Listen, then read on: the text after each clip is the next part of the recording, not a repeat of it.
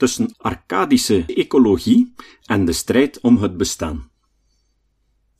Darwin, hoewel opgevoed met klassieke natuurtheologie van onder andere William Paley en de geseculariseerde versie daarvan van een auteur als von Humboldt, zou in 1859 met de publicatie van Over het ontstaan van soorten, het romantisch harmonieuze natuurbeeld of de Arcadische ecologie krachtig verstoren. Arcadia, een landschap op de Peloponnesos, werd voorgesteld als lieflijk, onschuldig en vredig. De belangrijkste Arcadische auteur is Gilbert White, 1720 tot 1793. White's natuurvisie, beschreven in zijn beroemde The Natural History of Selborne, 1788-1987, in feite een collectie van White's brieven, had een immense invloed en ligt volgens Donald Worcester 1994 aan de basis van het Natural History Essay in Engeland. Tot op heden zijn dergelijke essays waarin de natuur wordt beschreven op een niet-wetenschappelijke manier, op basis van directe observatie van de auteur, erg populair. White was parochiegeestelijke van het dorpje Selborne en amateur natuurtheoloog. Door de grote verspreiding van zijn werk maakte hij meer dan de professionele natuurtheologen, waaronder John Ray en William Durham, wier geschriften hij kende, aan het grote publiek duidelijk dat uit de harmonieuze werking van de natuur de goedheid en wijsheid van God blijkt. Darwin was al op jonge leeftijd vertrouwd met The Natural History of Selborne.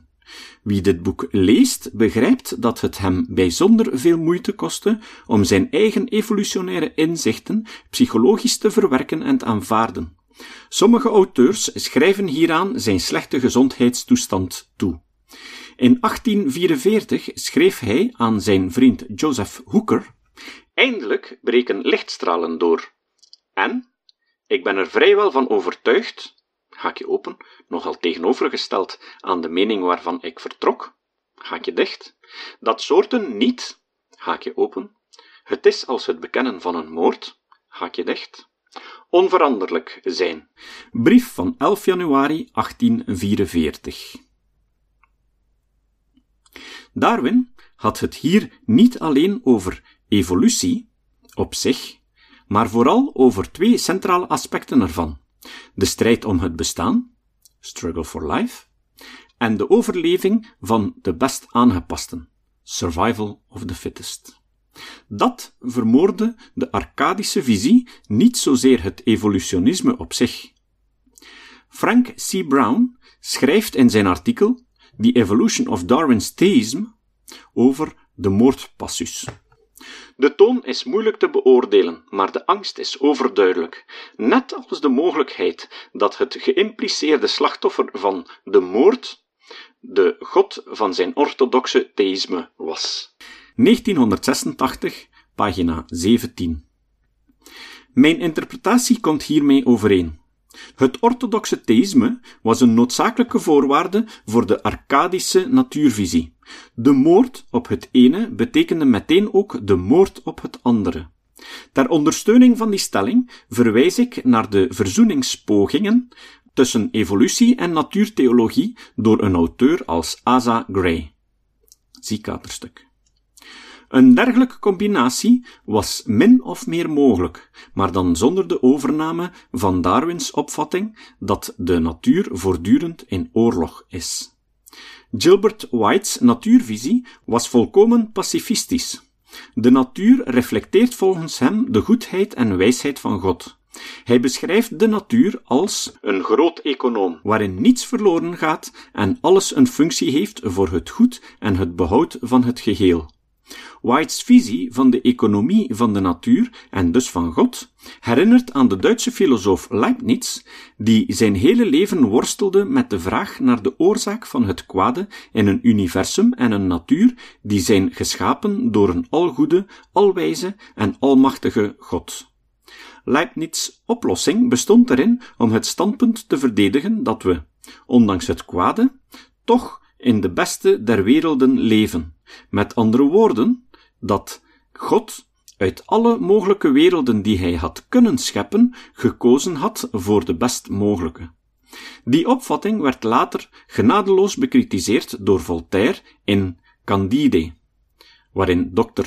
Pangloss een karikatuur is van Leibniz. Evenals Leibniz was White niet in staat om datgene wat mensen verwerpelijk vinden, zonder meer als verwerpelijk te erkennen. Niettemin aanvaarde hij dat de mens de natuur kan verbeteren. Over schadelijke insecten bijvoorbeeld schreef hij dat het erg nuttig zou zijn als iemand een overzicht van de mogelijkheden om ze te vernietigen op schrift zou stellen. 1987, pagina 85. Hij vroeg zich niet af hoe het komt dat de schepper dergelijke wezens geschapen heeft. Stilzwijgend stapt hij over dit probleem heen. Worster merkt op dat hij er blijkbaar van uitging dat de voorzienigheid een helpende hand van de mens nodig heeft om haar intenties te realiseren. 1994, pagina 8. De klemtoon in The Natural History of Cellborn ligt op de harmonieuze samenwerking in de natuur, op het nut van het ene organisme voor het ander. Met duidelijk genoegen vertelt White over het sociale karakter van dieren en over de wijze waarop ze elkaar soms over de soortgrenzen heen helpen. Zie bijvoorbeeld het verhaal van een kat die een hazenjong zoogt. Pagina's 194 en 195. De natuur, schrijft Worster, is in Selborne vrijwel volmaakt goedaardig. Een stabiel, productief, rationeel landschap waarop het menselijke gevoel gemakkelijk kan reageren. 1994, pagina 10. Ik kan het niet nalaten hierbij Darwin te citeren. Wat een boek zou het hulpje van de duivel kunnen schrijven over de onelegante, spilzieke, knoeierige, lage en verschrikkelijk vrede werken van de natuur. Brief aan Joseph Hooker op 13 juli 1856. Het contrast maakt de radicale ommezwaai in het natuurdenken als gevolg van Darwins evolutionisme duidelijk.